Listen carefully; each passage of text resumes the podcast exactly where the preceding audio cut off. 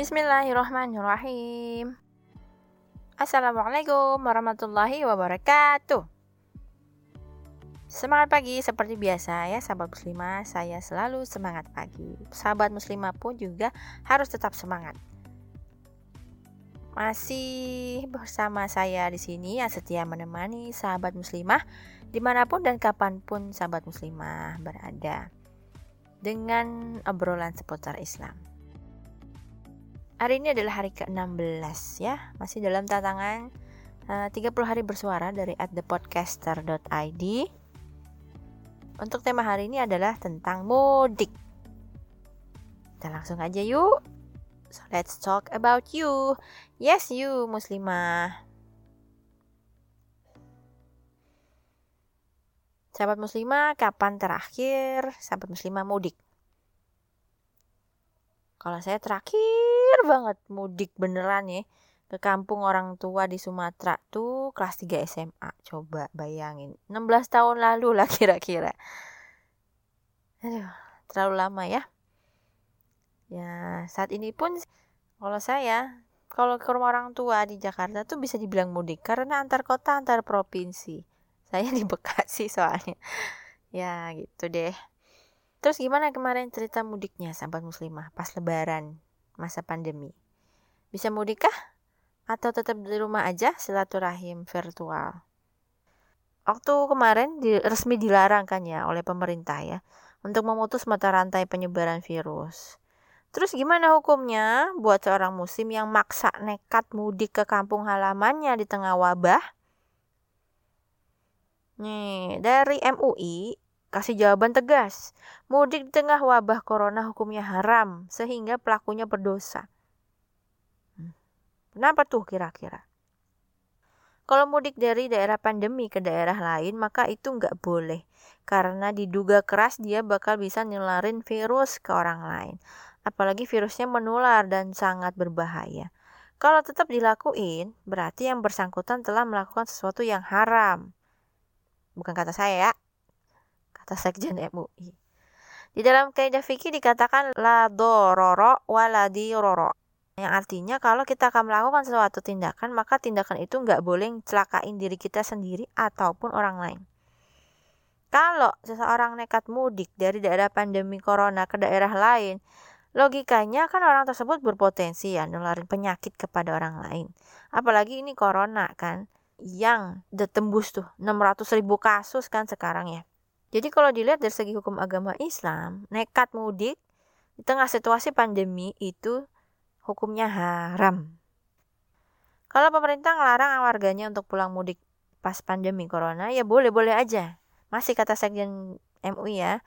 Bahkan hukumnya adalah wajib, karena kalau nggak dilarang, maka bencana dan malapetaka yang lebih besar bisa terjadi.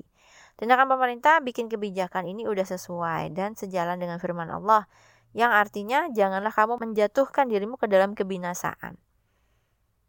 Nabi Muhammad SAW sendiri sudah ngajarin pada umatnya kalau dilarang masuk ke daerah wabah.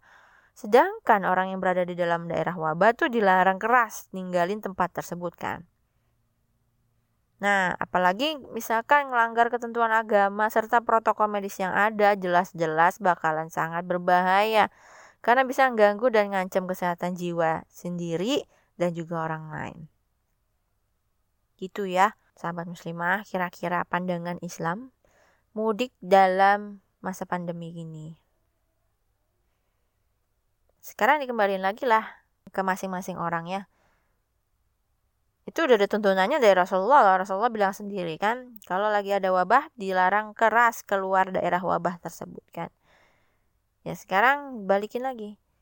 Mau ngikutin ajaran agama atau enggak? Mau mengakibatkan kebinasaan atau enggak? That's your choice ya.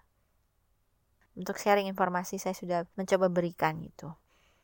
Hmm, sekarang bagi yang mendengarkan silahkan. Mau gimana? Nah sekarang kalau kata Ustadz Adi Hidayat, mudik tuh dalam pengertian Islam akan terbagi jadi dua bagian. Mudik pada kampung halaman di dunia dan mudik pada kampung halaman di akhirat kelak. Ustadz Adi Hidayat bilang mudik yang akan dialami setiap makhluk hidup yang ada di dunia ini adalah mudik akhirat. Tapi kebanyakan tuh dari kita lupa buat nyiapin bekal mudik yang sifatnya abadi. Dalam urusan dunia aja nih, mudik yang dalam urusan dunia tuh kita siap-siapnya luar biasa kan. Dari ngecek tiket kereta jauh-jauh hari sebelum Ramadan, coba ya kan. Itu kadang udah habis. Terus persiapan keuangannya untuk uh, untuk pulang kampung udah nabung dari setahun yang lalu misalkan dan luar biasanya pas Ramadan itu disiapin buat cari bekal untuk mudik yang duniawi. Jadi uh, fitrah pada mudik itu melekat pada dua sisi. Ini masih kata Ustadz Adi Hidayat. Setiap yang akan pulang dia siap-siapin dia tuh bekalnya persiapan siapa yang pulang. Gimana keadaannya dan uniknya orang yang bekal kurang dia nggak siap pulang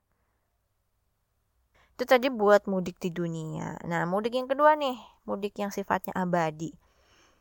Banyak yang pengen mudik di dunia tapi lebih dulu mudik di akhiratnya. Dan yang lebih berbahaya dia udah nyiapin bekal mudik di dunia tapi dia nggak nyiapin bekal mudik ke akhiratnya.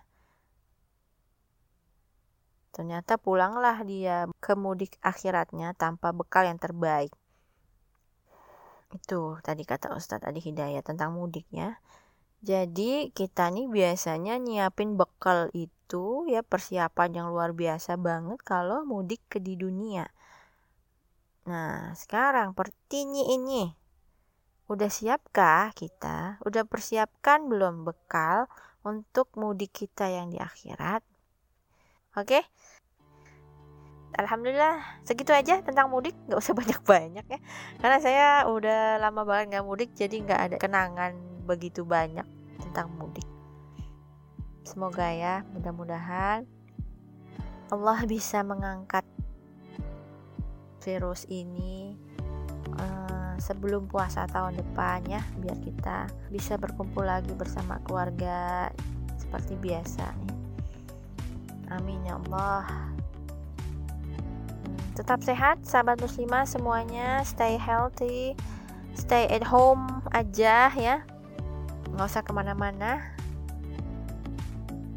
Terima kasih sudah mendengarkan podcast saya hari ini. Kesalahan pasti datangnya dari saya pribadi saya mohon maaf lahir batin. Um, tema besok ya tema besok tuh adalah mengenai liburan. Yay sampai jumpa besok. Assalamualaikum warahmatullahi wabarakatuh